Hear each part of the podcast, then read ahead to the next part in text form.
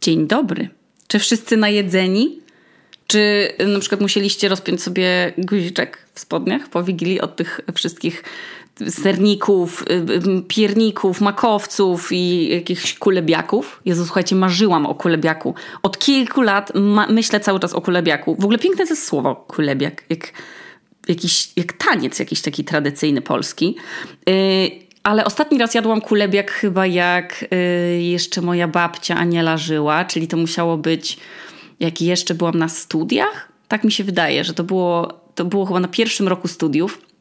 I poprosiłam babcię, żeby zrobiła kulebiak. I w sensie to jest taki drożdżowy, taki jakby warkocz, taki jakiś zawijas, nie wiem, z kapustką w środku. I było to pyszne. Bez kitu rozpływa się w ustach. Jeszcze można go zapijać sobie barszczem. I też słuchajcie, no to chyba w każdym domu inaczej, bo niektórzy jedzą barszcz w, w talerzu, czyli w misce po prostu mają y, ponalewane. I, I w tym się oczywiście tam turlają te e, uszka. No i my tak teraz jemy, jak już nie mam w, w rodzinnym domu świąt, to zazwyczaj wszyscy właśnie w, w, tych talerzach jedli, a u mnie się dostawało barszcz do kubka i barszczem się zapijało pierogi, właśnie jakieś sałatki, jakby ktoś chciał, czy rybę, no i właśnie tego pysznego kulebiaka. I odkąd babci z nami nie ma, no to już nikt tego kulebiaka nie robi, a, a on za mną chodzi cały czas. I może w przyszłe y, święta sobie postanowię, że, że zrobię tego kulebiaka. No ale w każdym razie nie wiem, co u was je się na Wigilii, ale u mnie właśnie w top dań to jest danie numer jeden, czyli pierogi. I to w takiej absurdalnej ilości. To jest, to jest yy, najlepiej, jeżeli miałabym dla siebie na cały okres świąt z 50 sztuk tylko dla mnie, bo wtedy mogę jeść je na każdy posiłek i na zimno, i na ciepło, i odsmażane, i podpiekane, i tam wiadomo. No to barszcz do popijania, właśnie w kubeczku yy, i później długo, długo nic w ogóle, bo, bo no, jak mam ochotę, jest bigos, to, to też zjem. No, zwłaszcza, że Amadeusz to robi dobry bigos i to jest yy, ten taki z jadłonomi, z, chyba z soczewicą on jest, albo albo z, tak z soczewicą. I jest bardzo smaczny, ale tak wiecie, no też nie myślę o nim cały rok, nie? To nie jest coś, na co czekam. Też mogłabym się bez, bez niego obyć w sumie, ale na sam końcu listy moich e, potraw ulubionych jest sałatka warzywna i to jest podobno kontrowersyjne danie, bo nie wszyscy w ogóle lubią to, y, tę sałatkę i u niektórych to się w ogóle nazywało kaczy żer. U mnie kaczy żer to jest w ogóle bułka w mleku ciepłym namoczona z miodem. Jak miałam chore gardło, to mi mama to robiła. I, i, i no to tylko jak byłam chora, to to jadłam. I na przykład nie szłam do szkoły, yy, z, bo nie wiem, miałam zapalenie zatok czy tam krtani. Yy, no ale dla mnie ta sałatka warzywna jest czymś takim bardziej... Yy, no, mało wykwintnym, bardziej codziennym, bo też często jak odwiedza nas mama Amadeusza, to nam po prostu robi tę sałatkę warzywną, bo lubi gotować te warzywa i je kroić, więc, a wie, że my bardzo lubimy tę sałatkę, więc jemy ją częściej w roku niż tylko w Wigilię. No ale te pierogi z kapustą i grzybami i ten kulebiak, który za mną chodzi i ten barszcz przepyszny, no to to jest coś, o czym, o czym myślałam cały rok i bardzo się cieszę, że już trafiły do mojego brzuszka.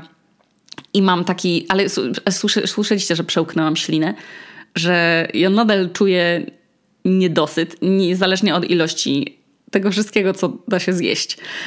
No ale, no cóż, no dla mnie dania wigilijne to jest y, właśnie coś, na co, na co się najbardziej nie mogę doczekać i odliczam i to są takie, wiecie, to jest takie, nazywa się to chyba po angielsku core memory, że, że babcia Aniela po prostu, że to jest takie, taka, wiecie, takie wspomnienie, które was jest po prostu w, centrum, po prostu w, chyba w rdzeniu, w, w, w, tym, w kręgosłupie siedzi i możecie do niego łatwo dotrzeć i to jest coś, co zmienia w ogóle wasz, was, no nie? No to, to, to i gotowanie babci Anielki i to jak lepiła pierogi też w tej chorej ilości dla całej rodziny i przywoziła je jeszcze ciepłe, ugotowane w garczkach, przykryte mm, tą folią e, taką szeleszczącą, aluminiową i w, no tak, w takim tym oczekiwaniu już po prostu na to o, o takie oficjalne rozpoczęcie Wigilii, jak już wszyscy zasiądą, wiecie, to ja sobie jeszcze podjadałam je tak wyciągając z żaroodpornego mm, tego naczynia tak bokiem powolutku, żeby sobie nie, popatrzy, nie poparzyć palców. I tak je zjadałam, no bo nie mogłam się doczekać. I nie ma drugich takich pierogów niż te, jakie babcia robiła. I inne też są smaczne, ale to nie jest ten smak i nie umiem po prostu ich odtworzyć. Uważam, że nikt nie potrafi ich odtworzyć. Są pewne jakieś niuanse, które są no, nie do podrobienia i wiecie, a to ciasto nie pasuje, jest nie takie, a to jakieś, nie wiem, kapusta i grzyby w, z innymi, w innych proporcjach. Nie wiem, a to ktoś pieprzu za mało doda, a to ktoś da trochę więcej... tego soli i jest takie, wiecie, że no to już nie jest po prostu to, no. To już nie jest to. I tak czy siak pierogi stanowią dla mnie definicję Wigilii, ale właśnie Wigilia, no to jest okazja, podczas której się jest blisko z bliskimi, niekoniecznie z rodziną, ale po prostu z ludźmi, z którymi miło jest się spotkać dookoła stołu. I podczas Wigilii dla mnie je się pierogi. Nie znam rodziny, u której pierogów nie ma. I to jest właśnie moja nowa definicja Wigilii, y, no bo kiedyś było zupełnie inaczej i ten odcinek właśnie będzie o nowych definicjach rzeczy, y, czyli o różnych definicjach, nie zawsze takich jak wasze, czy, czy obowiązujące w polskim języku ogólnie. Y, I do nagrania tego odcinka zaprosiła mnie marka Westwing, która się zajmuje sprzedażą pięknych i funkcjonalnych mebli i, i elementów wyposażenia wnętrz i no jest to partner tego odcinka. I słuchajcie, Wigilia dla mnie była zawsze takim świętem, które można było spędzić tylko z rodziną. Że wiecie, że ja nie wyobrażałam sobie, że na Wigilii mogłaby na przykład być koleżanka mamy z pracy, nie? W sensie nie, um, nie miałabym nic przeciwko temu, nie? Ale to po prostu nie było to, co było u mnie uznawane za Wigilię. U mnie w, w domu rodzinnym była, wydaje mi się, duża presja świąteczna, taka związana ze sprzątaniem i było robienie wielkich zakupów, jakby w ogóle od tego zależało nasze życie i pomyślność w nowym roku. Więc wiecie, wszystkie rodzaje ryb, wszystkie rodzaje ciast, owoce, dwa rodzaje pieczywa, y, nawet jakieś napoje gazowane, których nigdy się nie piło w ciągu roku. Y, no i to był po prostu wielki festiwal gotowania, ale też wielki festiwal sprzątania. I nie uważam, żeby sprzątanie przed świętami było czymś złym. E, moim zdaniem super się spędza czas w domu, jak jest w nim czyściutko i to jest bardzo przyjemne.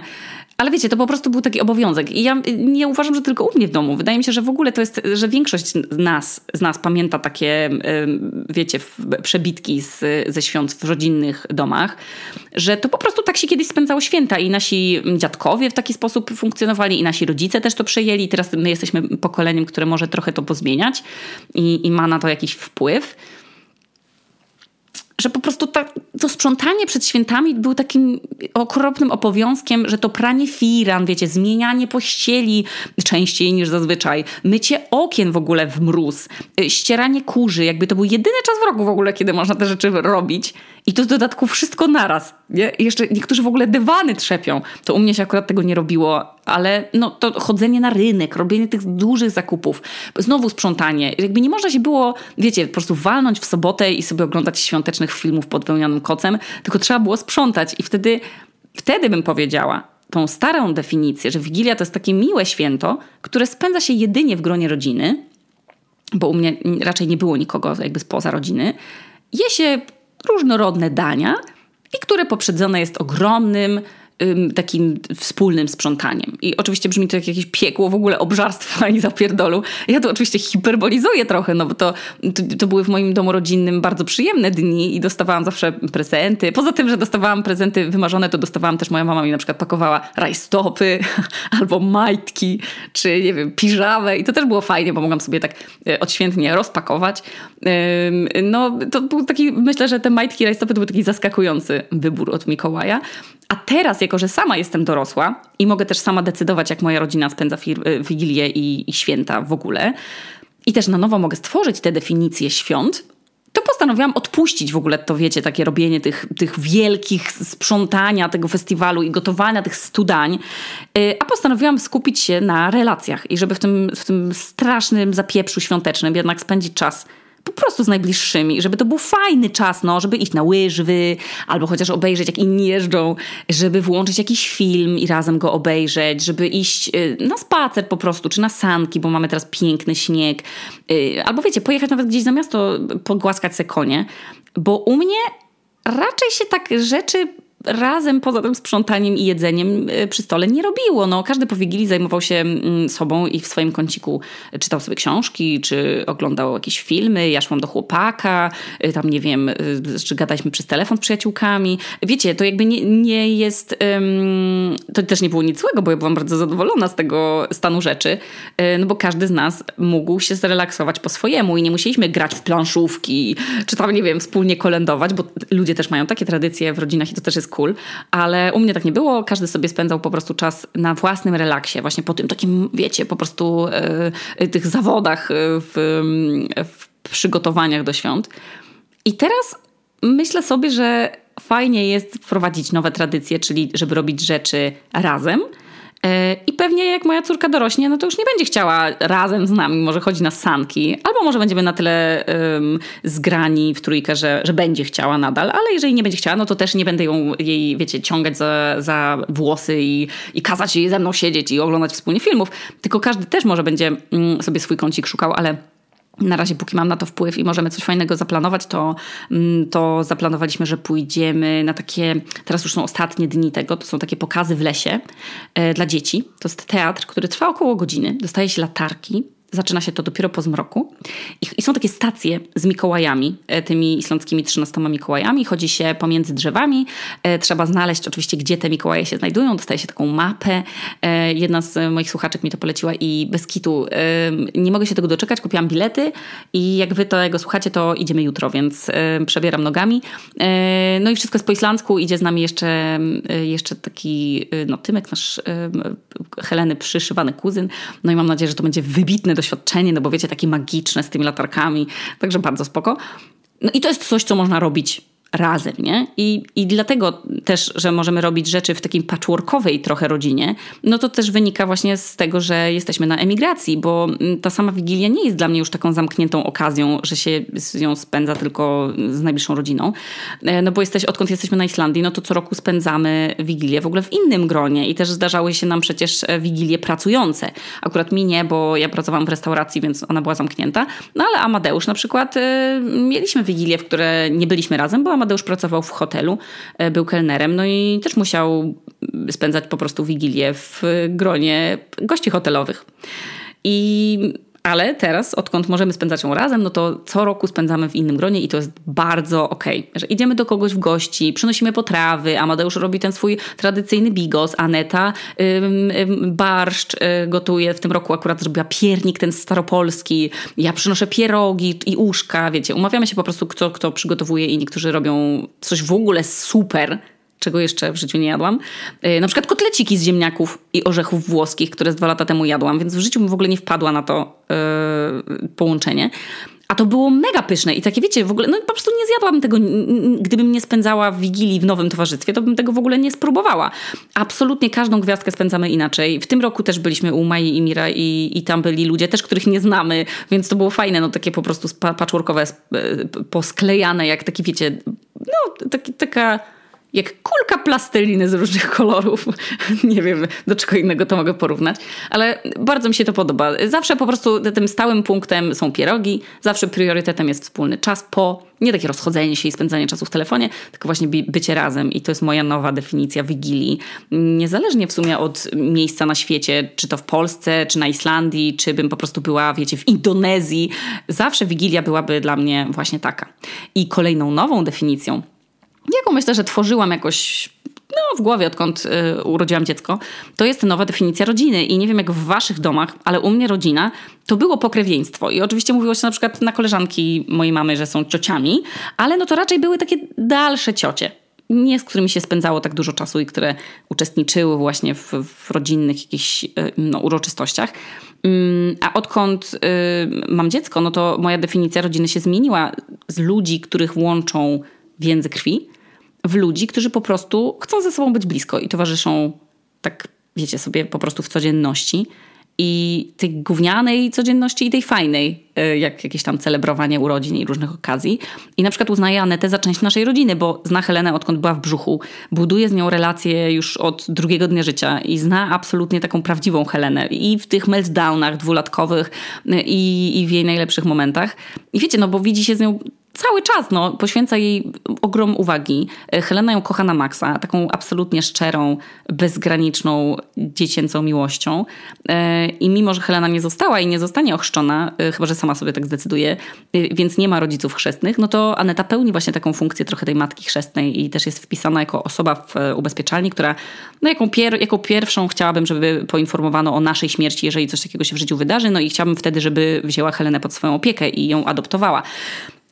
I to są oczywiście bardzo oficjalne rzeczy i zakładam, że nigdy do tego nie dojdzie, no ale jest to z nią przegadane, jest to zapisane, e, wynika z takiej mojej i naszej wspólnej e, też z Amadeuszem definicji rodziny, że to nie musi być tylko babcia czy dziadek, no bo nie wszyscy mają babcie, babcie i dziad, dziadków, ale też niektórzy dziadkowie przecież pełnią dla nas funkcję rodziców jeśli nasi, nasi rodzice albo sobie nie radzą z opieką nad nami, albo nie żyją. I stąd właśnie to moje przekonanie, że rodzina to jest niekoniecznie role nadane, wiecie, to nie są role tylko nadane urzędowo, wynikające z pokrewieństwa, tylko właśnie wręcz nadane wyborem i myślę, że w ogóle nad takimi relacjami w ogóle trzeba nawet bardziej pracować. W sensie, wiecie, żeby się stały takie mocne jak więzi w, w rodzinie, to naprawdę trzeba się poświęcić, trzeba konsekwentnie nad nimi pracować, rozwijać, ym, ym, jakby poświęcać im bardzo dużo energii, uwagi, bo to są relacje, które nie są nam dane na zawsze, tak jak więzi, wię, więzy krwi yy, i więzi rodzinne, tylko po prostu to są relacje, które wiecie, mogą przyjść i się zakończyć, więc myślę, że to w ogóle ważne, zwłaszcza dla osób, które nie mieszkają tam, gdzie reszta swoich rodzin, tylko na przykład są na emigracji, no bo zawsze sobie trzeba na emigracji zbudować jakąś pewną sieć znajomości. Jednym to przychodzi o wiele łatwiej y, niż innym y, i jeszcze niektórzy w ogóle na przykład tego nie potrzebują. Y, no ale właśnie przyjaźnie i te znajomości na emigracji są bardzo ważne też dla dzieci, no i, i żeby nie odczuwały tej braku rodziny po prostu no wiecie o co chodzi. Jeżeli babcia czy dziadek nie mogą przyjść na występ w szkole, no to może przyjść inna osoba, której na dziecku zależy, nie? I to jest bardzo, bardzo wzbogacające, no bo mm, też tym samym na przykład Helena ma obie ciocie, które chętnie przychodzą e, na jej, wiecie, e, świąteczny bal. I to jest uważam bardzo piękne i taka definicja rodziny teraz u mnie funkcjonuje, że no nie tylko więzy krwi i nie tylko pokrewieństwo świadczy o byciu z kimś w rodzinie, E, bo relacje rodzinne, jak sami wiemy, nie wszyscy utrzymują na przykład relacje ze swoimi rodzicami, nie wszyscy e, mają miłe kontakty i, i, i, jakieś takie wzbogacające dla nas. Więc bardzo fajne jest to, że możemy sami wybierać, kto jest w naszej rodzinie i w jaki sposób poświęcamy swój czas na budowanie tych relacji. No dobra, a teraz definicja dbania o siebie. I o, słuchajcie, o kurwa, tu zaszła naprawdę wielka zmiana od mojej młodości.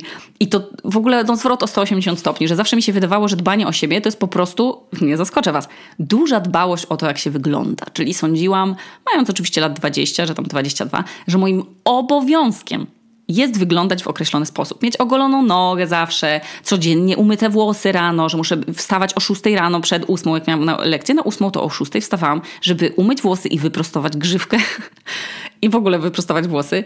Że wiecie, że muszę być umalowana, jak idę do pracy, że muszę mieć w swojej szafie jakieś buty na obcasie. Na Boga, w ogóle nie wiem skąd mi się to wzięło, bo moja mama nie miała ani jednej pary chyba butów na obcasie, tylko taki wiecie, nauczycielski obcasik mały. E, albo, że trzeba mieć komplety bielizny what the fuck w ogóle? Myślę, że to nie wiem, to mi chyba zrobiły magazyny dla kobiet i, i, dla nastolatek, że to po prostu jakaś potrzeba marketingowa została stworzona i jak ostatnio jakieś chyba trzy minuty musiałam serio odmawiać pani sprzedawczyni, do kupienia majtek pasujących do stanika, że po prostu nie potrzebuję majtek z, z, tego materiału, że nie, dziękuję, że po prostu założę czarne, bawełniane, fajne i ja nie potrzebuję ani tongów, ani stringów, ani brazylianów w tym samym stylu, tylko po prostu mogę mieć przecież majtki nie do pary i nic złego się nie wydarzy. I wiecie, już mówiłam, że jak byłam w liceum, no to nawet w sobotę, jak nigdzie nie szłam, no tylko się uczyłam, to malowałam się, jakbym szła gdzieś, no jednocześnie totalnie zaniedbując na przykład inne aspekty dbania o siebie, jak y, na przykład to, co jadłam yy, i w ogóle sposób jedzenia, bo się żywiłam chyba cukierkami tylko i owocami i chlebem. Już nie mówiąc w ogóle o sporcie, bo szukałam każdej, absolutnie każdej możliwej wymówki, żeby nie ćwiczyć na WF-ie. Co wynikało też z tego, że nigdy nie było pryszniców, żeby się po WF-ie umyć i to było bleśne przecież iść na fizykę po dwóch godzinach biegania za piłką. Także takie dbanie o siebie w formie ruchu to mi się kojarzyło ze starszymi osobami, które chodziły z kikami do Nordic Walkingu, nie? że ja, ja się po prostu czułam za młoda na już dbanie o siebie. Jak czytałam gdzieś, wiecie, na w jakichś reklamach czy w jakichś tam czasopismach, zadbaj o swoją skórę i patrzyłam w lustro i widziałam skórę bez ani jednego przebarwienia, bez ani jednej zmarszczki, bez ani jednego pryszcza. Tam oczywiście co jakiś czas się zdarzały, nie? Ale miałam taką po prostu, Jezu, to już nie pamiętam trochę tego, ale jeszcze mam jakieś takie przebłyski, że miałam świetną buzię. Bez kitu, zero trądziku różowatego, zero jakichś tam przebarwień, po prostu zero porów widocznych. No miałam, wiecie, jak Helenka po prostu policzki y, gładkie i, i jędrne i absolutnie przepięknie ta skóra wyglądała. No i, i teraz wiecie, no jak to nie wiem, ale po co miałabym zadbać o swoją skórę, jak mam idealną, nie? No to tak samo jak czytałam zadbaj o swoje serce, no i te różne suplementy na serce, to mi się wydawało, że dbanie o siebie się w ogóle zaczyna, jak się ma z 40 lat, nie? Albo 70 i się występuje po prostu w reklamie oleju z wątroby rekina, a nie, że mam 15 lat i powinnam zacząć dbać o swoje zdrowie, nie? No i, ale też to dlatego, że moi rodzice inaczej spędzali z nami czas niż na przykład, nie wiem, że jak sportowe rodziny, nie? To sobie razem chodzą na rowery, czy spacery w góry. Kupanie, no nie każda rodzina musi tak spędzać czas i to jest okej. Okay. Niektórzy sobie wspólnie układają puzzle, niektórzy, nie wiem, sobie wspólnie oglądają filmy, a niektórzy gotują razem albo jeżdżą gdzieś tam na wycieczki, a niektórzy sobie nawet ze sobą nie gadają i są różne po prostu rodziny. Więc ja sportu nigdy nie uznawałam za swoją część codzienności i nie ćwiczyłam, dopóki nie wyjechałam na studia. Więc miałam jakieś takie podejście, że na wszystko w ogóle jeszcze przyjdzie czas. Jak ja będę potrzebowała, to wtedy zacznę ćwiczyć. I dokładnie tak samo było przecież z paleniem papierosów, że ja jak paliłam i miałam 17 lat, to mi się wydawało, że po prostu ja mam przecież całe życie, żeby rzucić. Przecież w ogóle co? To wpływa na moje płuca i na moje zdrowie? Przecież ja mam 17 lat, ja jestem jak płuca Polski. Nieskażona w ogóle mm, jakimiś chemikaliami. I przecież jak będę chciała, to jeszcze mam całe życie, żeby rzucić to palenie. No słuchajcie, bardzo się myliłam. Myślę, że e, to, że mam teraz problemy z chorowaniem, chociaż nie, no nie choruję aż tak często, ale myślę, że na pewno wpłynęło to e, na moje zdrowie, wiecie, więc no wiadomo, zawsze odradzam. I miałam jakieś takie to podejście, że, że jeszcze jest na to wszystko czas i wtedy zacznę ćwiczyć, jak będę potrzebować, jak mnie coś zacznie boleć. Czyli nie traktując aktywności fizycznej jako coś, co może mi po prostu się podobać, no ale jak na WF-ie w szkole miałam tylko siatkówkę, od której mnie bolała ręka, albo koszykówkę, albo tenisa, bez w ogóle wytłumaczenia reguł tenisa, tylko mieliśmy za tak paletką, rakietką odbijać piłkę, no to nie było za dużo dyscyplin, z którymi można było się polubić.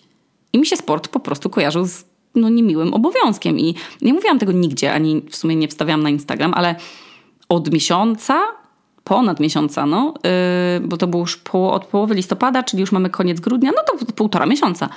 Trzy razy w tygodniu chodzę na jogę. I o kurwa, kochani, to był powrót do jogi po prawie trzech latach, bo wciąż mało co mogłam się ruszać, a później yy, dwa lata nie mogłam się zabrać za to. I miesiąc temu, no te półtora miesiąca temu, poczułam taką na maksa potrzebę powrotu do szkoły jogi, do której chodziłam 5 lat temu, jak pracowałam w mojej pierwszej knajpie tutaj. Nazywa się Yoga Food i była niedaleko szkoły jogi. I opowiadałam wam w ogóle, w ogóle o tym miejscu, o tej szkole, więc tam jest podgrzewane pomieszczenie. Więc zawsze się czułam, jakbym ćwiczyła w Indiach. Po prostu przepięknie tam pachniało.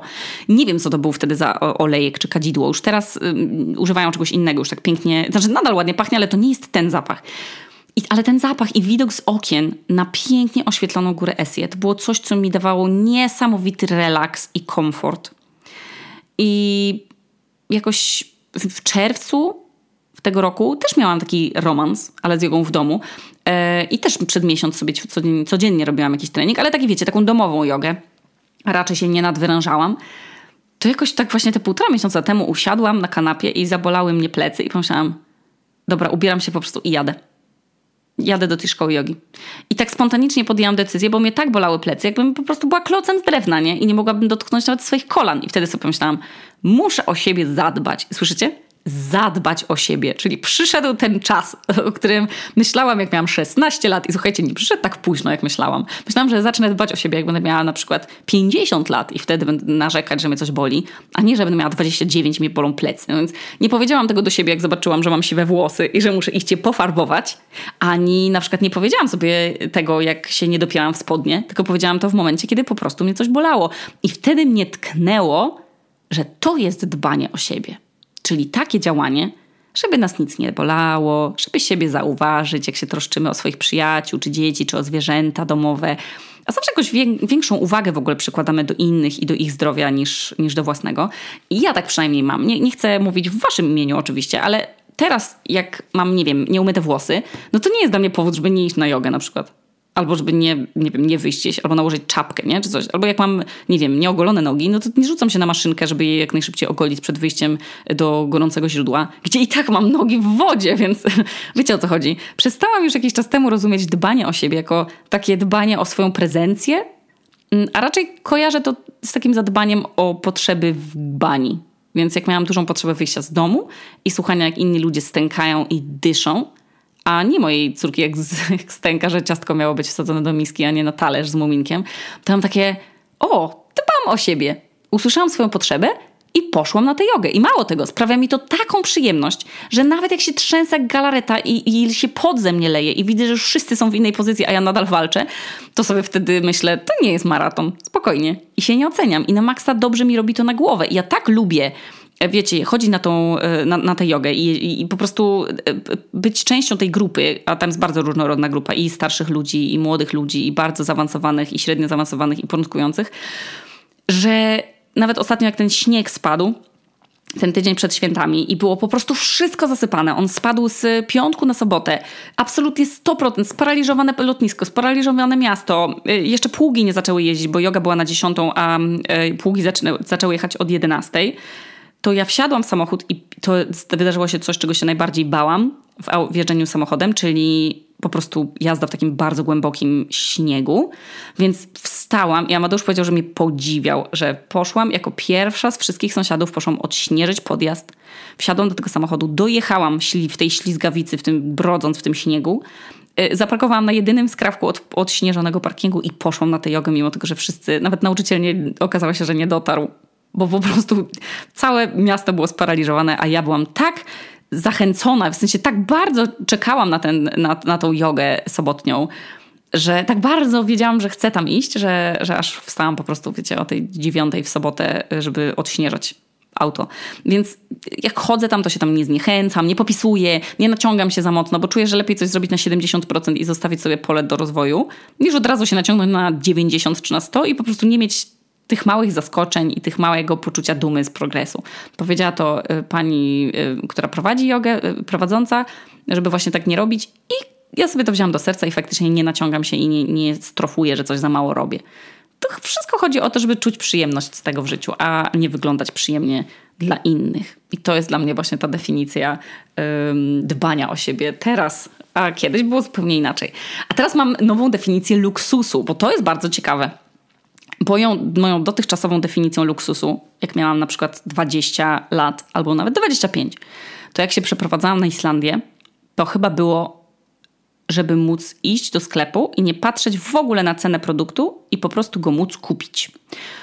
I tak mi też tata zawsze mówił, że mój tata yy, tak powtarzał, że dla niego po prostu bardzo takim bogactwem to jest właśnie jak może pójść do yy, jakiegoś tam supermarketu i nie patrząc na cenę mandarynek, czy tam bananów, czy jakiegoś tam tropikalnego owoca, owocu, to sobie po prostu go kupić. I nie patrzeć, czy kosztuje złoty 3 czy 8. Oczywiście to było, mój tata to mówił, jak ja byłam mała, więc zakorzeniło mi się to gdzieś w umyśle i pamiętam to do teraz. I faktycznie to dla mnie też jest jakiś taki wskaźnik, że, że jest dobrze w życiu, jeżeli nie musisz patrzeć na cenę, jak chcesz sobie coś kupić do jedzenia. I luksus mi się kojarzył po prostu z finansami, bo faktycznie musiałam po prostu czasem sobie odmówić czegoś, no bo była już połowa miesiąca i bym się nie wyrobiła na przykład z sianem. Y, I teraz no nie będę robiła, wiecie, z was debila, że nie mam hajsu czy coś. Teraz jestem finansowo bardzo okej, okay, bardzo zabezpieczona i, i jak chcę iść do kina, to po prostu mogę iść do kina. Ale zmieniło mi się pojmowanie luksusu z rzeczy materialnych na czas. Bo o czas spędzony bez nikogo, kiedy jest się po prostu cały czas w hałasie wydawanym przez kogoś innego i niezależnie czy to jest dziecko, czy współpracownik, czy partner, czy, czy pies. W zasadzie wiecie o co chodzi, że też taki czas w formie więcej niż 3 godziny. A najbardziej to chyba to, że mogę wyjechać na przykład na 3 doby a Amateusz jest sam z Heleną wtedy, czyli ona już dorosła do tego momentu, kiedy może tak no, dość elastycznie podchodzić do tego, że ja mogę wychodzić, wyje, wyjechać na dłużej.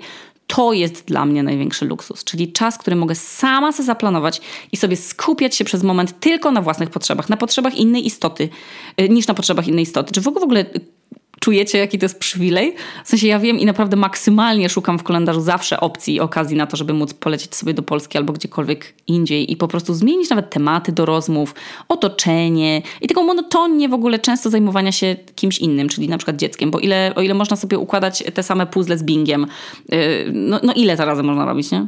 no Chryste po prostu, możliwość spędzania czasu jak się chce i tego nieśpiesznego w ogóle w dodatku, nie będąc gonionym przez drzemkę, czy, czy że zaraz trzeba odebrać dziecko z, ze szkoły, no to, to ten nieśpieszny czas, nie będąc gonionym, o mój Boże, to jest luksus. W ogóle w dupie drogie torebki jakieś to tam ludzie sobie kupują. Jakieś day spa jeżdżą, wiecie. Odpoczynek od innych ludzi i decydowanie o sobie samym. To jest niebywały luksus. I jeszcze luksus to jest dla mnie taka lampa, którą sobie kupiłam, bo mi się marzyła kilka lat chyba, jak ją widziałam. I jak chodziłam, chodziłam do sklepu, to sobie ją zawsze odmawiałam. I tak nie wierzyłam, że na nią zasługuję bo jeszcze mam cały czas takie przekonanie, że żeby sobie coś kupić, to trzeba zasłużyć. No a to przecież coś, na co się patrzę cały czas i to było dla mnie nagrodą, pamiętam, za wydanie książki i to ta moja lampa nad stołem i to takie materialne urzeczywistnienie luksusu. Yy, jak ludzie sobie kupują, nie wiem, auta drogie, nie? Czy tam, nie wiem, jakieś dzieła sztuki, nie wiem, co sobie ludzie kupują. Zegarki drogie albo po prostu torebki, czy buty luksusowe. To ja sobie właśnie tę lampę kupiłam i tak Wiecie, nie może mieć domu z widokiem nad jezioro, ani penthouse'u, ale luksus to jest dla mnie też na przykład umeblowanie sobie mieszkania jak chcę. No bo zawsze się wprowadzałam do takich już umeblowanych przez kogoś wnętrz. I wszystkie moje mieszkania na studiach, później w Warszawie i tu też na Islandii miały styl i wygląd narzucony przez kogoś innego albo przez to po prostu, co znalazłam w graciaku, nie? I to było trochę tak jak wiecie, jakby ktoś inny nas ubrał w ubrania, które trochę nie pasują do nas, bo mieszkanie bardzo dużo o nas mówi i każdy w miarę możliwości chciałby mieć ten komfort, żeby sobie sam wybrać na przykład kolor ścian i szafkę. I ja no, nie wybrałam koloru ścian, który mamy w mieszkaniu, bo, bo wynajmujemy mieszkanie nigdy nie będzie mnie stać na mieszkanie na Islandii. Yy, chyba, że ktoś po prostu mi da 3 miliony złotych bez absolutnie żadnego podatku do zapłacenia i po prostu kupię mieszkanie. Ale teraz luksusem było dla mnie wprowadzenie się do pustego mieszkania oczywiście wynajmowanego, ale styl z takim polem do popisu w formie dobrania sobie samodzielnie mebli. I ta, ta swoboda w urządzaniu wnętrza jest dla mnie luksusowa, nawet jeżeli to nie jest moja własność, nie?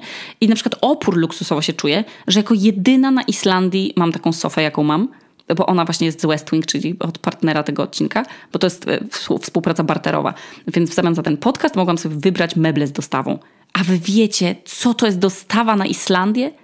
Czy wy wiecie, jakie to, są logistyczne, jakie to są logistyczne piruety? Nigdy w życiu bym nie pomyślała, że będę mogła sobie zamówić meble i one przypłyną kontenerowcem. Przysięgam, zrozumieją to tylko osoby mieszkające za granicą. No. W takich krajach, do których zazwyczaj nie ma wysyłki produktów, albo jest ona zbyt skomplikowana, tak jak do nas. Ale dla dziewczyn z West Wing chyba wysłanie tych mebli w kosmos by nie było problemem.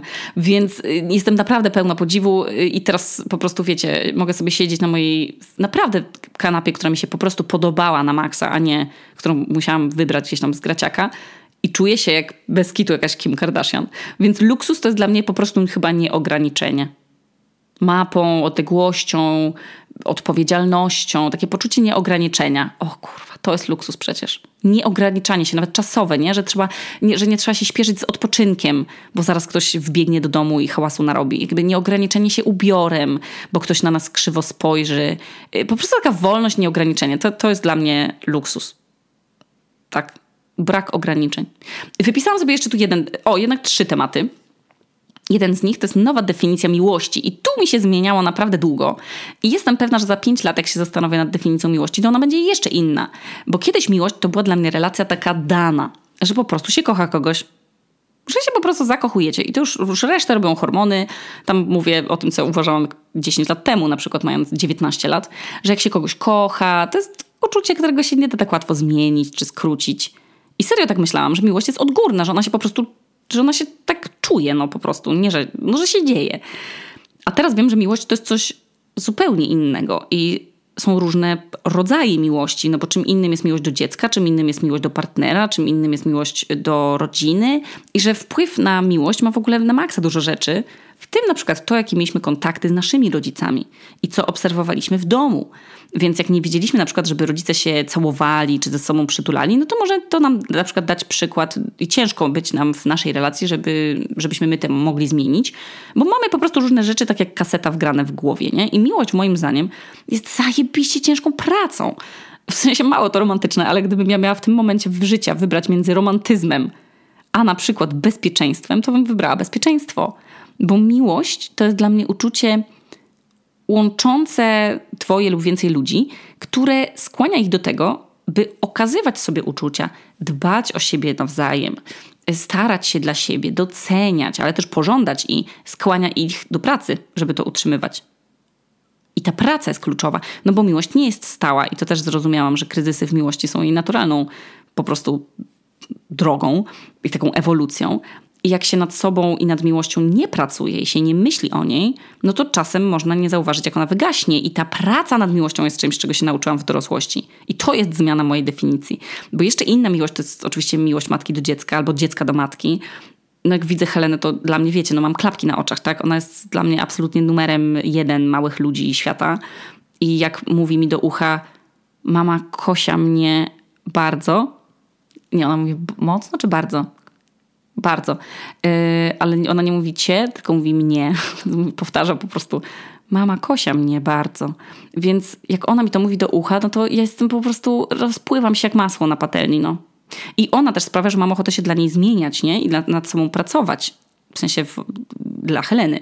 Dzięki temu, jak ją na przykład przepraszam, bo na przykład podniosłam głos, kiedy szósty raz rzuciła ziemniakiem celowo o podłogę i po prostu kolejny ziemniak się przełamał w pół i, i możliwe, że trzeba będzie go zaraz wyrzucić, bo go nie zużyje, no to po prostu to widzę, że ona, jak ją przepraszam yy, po tym, jak yy, na nią krzyknę, no to ona docenia te przeprosiny, bo jak sama zrobi coś niefajnego, to przychodzi powiedzieć mama, Asiam i mnie klepie po ramieniu. Więc ta absolutna szczerość i taki brak złej woli w miłości dzieci do dorosłych nie tylko do, do, do rodziców, ale też właśnie do, do dziadków, do cioci. To jest coś na maksa ekstra i tam nie ma żadnych kalkulacji. I ja nie mówię o miłości, że musicie być od razu rodzicami, nie? żeby to poczuć. Bo to może być siostrzeniec, córka koleżanki czy bratanek. Chodzi po prostu o to uczucie bycia bezgranicznie akceptowanym i lubianym i kochanym, bez żadnych wymagań co do nas, więc bez kiedy mogłabym mówić o miłości i jej rodzajach chyba jeszcze przez 40 minut, a mam jeszcze inne ciekawe tematy. Y, na przykład definicja inwestycji. O kurwa, kochani.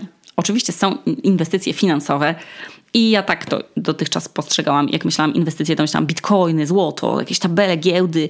No i oczywiście takie inwestycje są i oczywiście inwestycja mm, to jest coś, co ma nam dać w przyszłości jakiś zysk więc jednocześnie możemy w ten sposób traktować inwestycje w siebie. I ja wiem, że brzmi to kurwa coachingowo, ale słuchajcie, w tym roku jak wróciłam do nauki angielskiego, no bo chciałam sobie nad nim popracować i chciałam przede wszystkim też wyłapywać błędy, które popełniałam w kółko, bo nikt mi przecież nie wytykał błędów podczas mówienia, a wiedziałam, że na bank jakieś robię. I myślałam, że w perspektywie przyszłości, przecież robimy serial, zdarzy się na bank, że będę z kimś rozmawiać po angielsku i że chciałabym wtedy mieć taką płynność wypowiedzi, jak mam po polsku, żeby po prostu móc w pełni wyrazić to, co chcę, czy to, co czuję.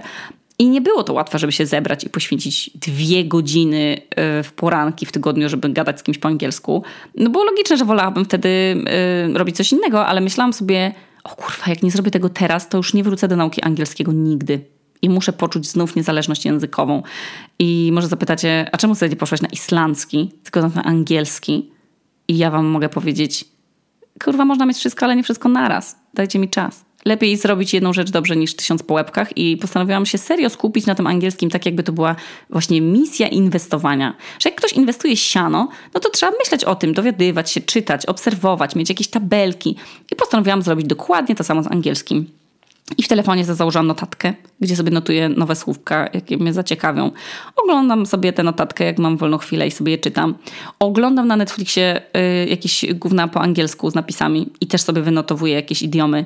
Przełamałam się, zaczęłam rozmawiać z przypadkowymi ludźmi, nawet przez telefon po angielsku i przysięgam, daleka jestem od mówienia, że najlepszą inwestycją, jaką możemy robić, to inwestycja w siebie, bo mam gęsią skórkę, jak słyszę takie słowa i byłabym kłamczuchą, jakbym nie powiedziała, że oczywiście pieniądze, które się inwestuje um, i też pieniądze, które zarabiam na książce i innych projektach, że one leżą na koncie, no bo nie, też są inwestowane mądrze, za co dziękuję Tomaszowi, y, ale inwestycje to jest dla mnie teraz to są rzeczy, które się robi z myślą o przyszłości. No bo ja w ogóle nie myślałam o przyszłości jeszcze niedawno, a teraz serio wybieram kilka kroków, wybiegam kilka kroków do przodu i na przykład już się pogodziłam, że islandzki nigdy nie będzie moim płynnym językiem, więc wolę podszlifować ten, którym i tak już się porozumiewam. I w ogóle uczenie się nowych rzeczy jest inwestycją, tak jak inwestycją jest nawet kupno sobie roweru, bo inwestujemy w swoje zdrowie wtedy i w przyszłości mamy z tego zysk. No o ile tego roweru używamy, no to zupełnie odwrotnie niż na przykład inwestowanie w torebki, które nosimy. Przecież one się używają wtedy i tracą na wartości. Coś to serio przemyślał kiedyś? No i dobrnęliśmy, słuchajcie, do końca tego mm, ostatniego odcinka chyba w tym roku. Nie wiem, czy był to dobry rok, czy niedobry. Jeszcze przede mną odcinek podsumowujący. W ogóle, jaka jest, jeszcze idąc za tym tematem tego odcinka, definicja dobrego roku? Bo kiedyś to chyba by było dla mnie rok bez depresji i z zachowaniem takiego dość małego levelu stresowych sytuacji. A teraz? Kurde, byłam cały rok chora Cały czas byłam chora, a to zatoki, a to krtań, oskrzela i było to męczące. Ale dobry rok to chyba dla mnie rok odkryć. Takich, wiecie, o świecie, o sobie, o moich relacjach z bliskimi. W tym roku miałam ogromny przełom w terapii, więc w ogóle to mega, to było mega super. I też odkrycia z byciem, w byciu rodzicem i byciem partnerką i do wielu rzeczy doszłam w swojej terapii, takich gigantycznych po prostu i wiele sytuacji dało mi bardzo dużo nauki. Dużo dał mi też kurs komunikacji empatycznej, dużo dał mi ten powrót do jogi, i w ogóle jeżdżenie samochodem. I uważam, że to naprawdę to był taki przełomowy rok dla mnie i więcej opowiem o tym w kolejnym odcinku, bo to, był, to będzie odcinek o roku niezależności. No bo takie podsumowanie roku to przecież jest tradycja. I to był dobry rok. Bo będę go pamiętać, o, poczułam go. Nie, nie przeleciał byle jak, tylko mogę tak w sumie dużo o nim powiedzieć. To jest chyba moja definicja dobrego roku. Że po prostu nie przeleciał y, y, za plecami, tylko można było go naprawdę odczuć. A jak wasza? Weźcie sobie, może potraktujcie ten odcinek też jako takie wyzwanie kreatywne i sprawdźcie swoje definicje, czy w skali tego roku na przykład coś się zmieniło, a może sobie definicję pracy zmieniliście, albo definicję odpoczynku. Y, może dajcie znać w komentarzu, bo, bo to naprawdę jest ciekawe. Więc mam nadzieję, że, że dobrze się bawiliście i że odpoczywacie, bo zasługujecie na odpoczynek. No. Bardzo dziękuję Marce Westwing, e, patronowi tego odcinka. Możecie zajrzeć do nich na stronę, bo e, są też, ruszają dziś dwie kampanie z moim udziałem, w sensie takie, takie wywiady, które możecie sobie przeczytać e, i bardzo ładne zdjęcia właśnie tych mebli w salonie, które kocham miłością szczerą. A Wam życzę fajnego Sylwestra. Niezależnie, czy będziecie leżeć w łóżku i kurwić na fajerwerki, czy brylować na jakichś parkietach. Więc do usłyszenia. E, tu Okuniewska z nadpiwniczki w Reykjaviku, a to był odcinek o nowych definicjach rzeczy.